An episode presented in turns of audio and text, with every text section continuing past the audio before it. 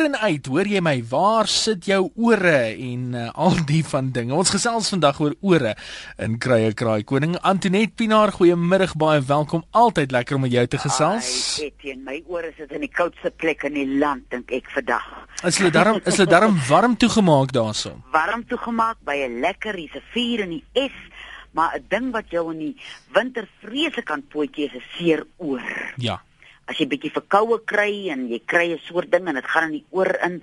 Dit is so naby aan mense kop. Ja. En in die ou dae toe 'n uh, pyprook dan nog nou nie so sondig was soos nou vandag nie, het die ou mense altyd die warm rook in 'n oor ingeblaas as jou oor so seer is. Ja. Dan bring hy, ek dink is daai hitte wat so 'n uh, 'n uh, 'n uh, bietjie uh, verligting bring um, as dit oor so regtig hy hy pyn mos tot binne in jou brein invloed baie keer. Ja, 'n mens kan eintlik sê hy is die wortel van baie kwaad want uh, die oomblik vir albei kleintjies as daar oorpyn kom dan uh, is dit 'n uh, ah, aanduiding dat daar iets anders gaan kom. Niks in die nag nie, hulle moet môreoggend gaan werk, moet blink ja. oë en dan lyk die oë so al vaderig. ja. En 'n lieflike ding wat jy kan doen met 'n kind, as jy 'n malva In die ou dae het almal mos malvas om hulle huis gehad. Ja. Want die mense het geglo malvas hou slange weg. Ja. Nou sommer die ou tyd se ou malva, nou nie hierdie vreeslike grand malvas van vandag nie. Jy maak so 'n klein pluisie van 'n malva blaar en dit sit jy in 'n kind se oortjie. Mm -hmm. Uh as as hy nou pyn of as jy nou uh uh sien nou maar kasterolie vat 'n klein botjie kasterolie en jy braai twee huisies knoffel daarin uit. Mhm. Mm en uh dan gooi jy die knoffel saam met die kasterolie binne in 'n glasbotteltjie en vanaand vat jy so 'n kwart teelepeltjie wat jy boeke die kersvlam warm maak. En uh, dit gooi jy dan in of groot mens of 'n kind se oor in, maar dit is belangrik om dit te toets met jou pinkie. Die olie moenie te te koud wees en dit moet natuurlik glad nie te warm wees nie en dan sit jy vir 'n pleisie in daai kind se oor 'n malva blaar en hy mm -hmm. bring lieflike verligting ek dink elke mens in sy lewe wat nou al seer oor gehad het maar hy sagte lou gevoel van kasterolie in sy oor kry jy slaak sommer so 'n sig van verligting Ai. Nou ons het nou al baie gepraat oor aardappels en waar hoe jy moet om moet slaap en die ou mense het ook gesê jy moet 'n aardappel proppie jy sny hom nou uit so groot soos die uh, gat van jou oor is, ja. dan sit jy hom uh, in die oor en dan môreoggend gaan jy musiek aan jou bed optel want hy val natuurlik nou maar uit en dan sit jy daai proppie terug in die aardappel en dan plant jy die aardappel. Ja.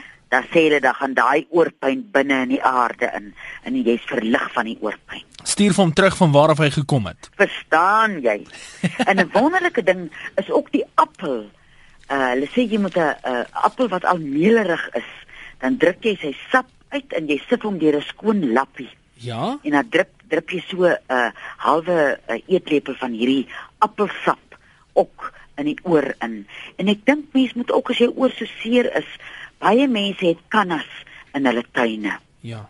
En as jy die kanna blaar vat en jy jy drapeer hom so van die kroontjie van jou kop hier rondom jou kennebak om en jy draai hom vas met 'n lap, dan bring hy daai vreeslike pyn uh wat 'n mens kry as jy uh die oorpyn en jy gaan buite in die koue en dan smaak dit mos vir jou jou oor wil afval.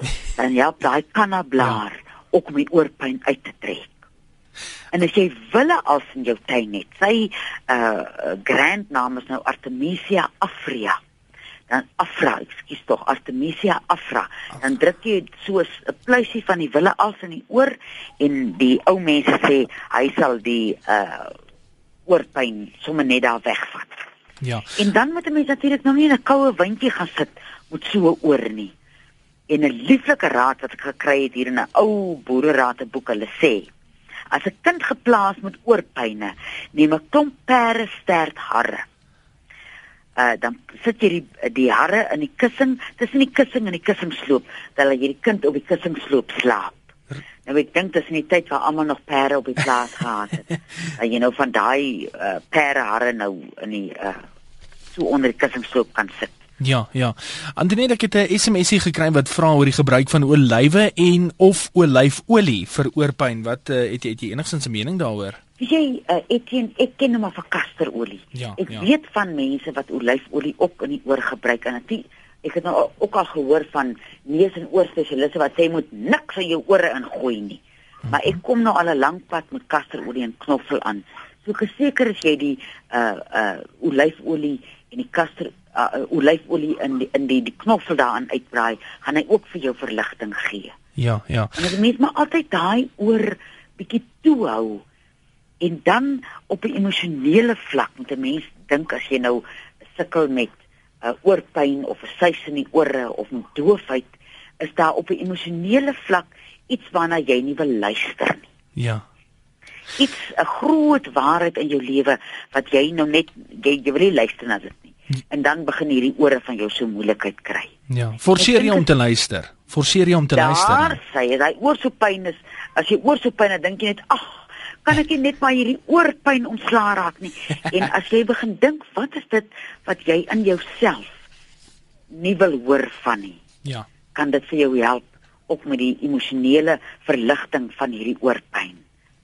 Ek maar sien... as jy oorpyn so vir 4, 5 dae aanhou, sal ek voorstel jy gaan uh, na 'n dokter toe dat hy net kyk, want mens kan groot oorskade uh opdoen uh as jou oor te lank ontsteek is.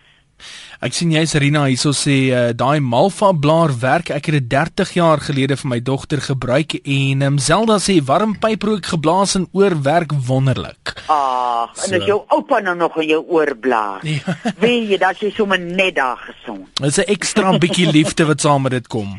Ja, ja, ja. Absoluut. Antoinette, ek dink mense moet hmm. ook baie versigtig wees.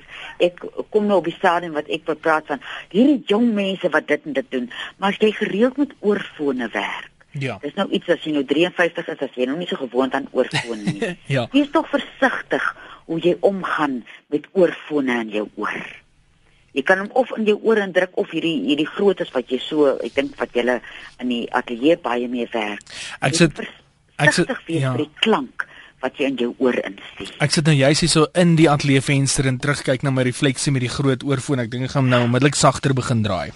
draai hom sagter en as ek nou vir jou maandag aande luister, dan draai ek hom net so op 'n op 'n toon wat my oor dromme dit kan aan uh, dit kan aanvaar want ek is nogal lief vir daai musiek. Ag, dankie Antonie. Sagtig wees vir die klank en nou in die jagtyd, dis winter en mense jag en mense skiet met gewere maak 'n uh, voorsiening dat jou ore nie seer kry met daai vreeslike klank van 'n geweer nie.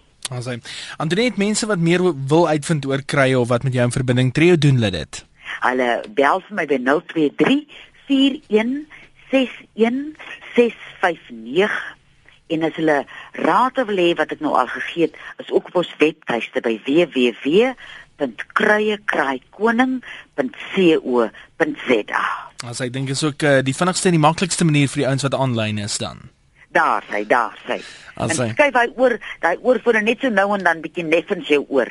Dat jy net so hier by jou oor bel vanaf hoor en nie binne in die oor nie. Ek maak so Antonie, dankie vir jou tyd. Ek en jy gesels volgende week weer. Ek sien uit daarna Etienne. Nou, Lekker week hoor. Als van die beste.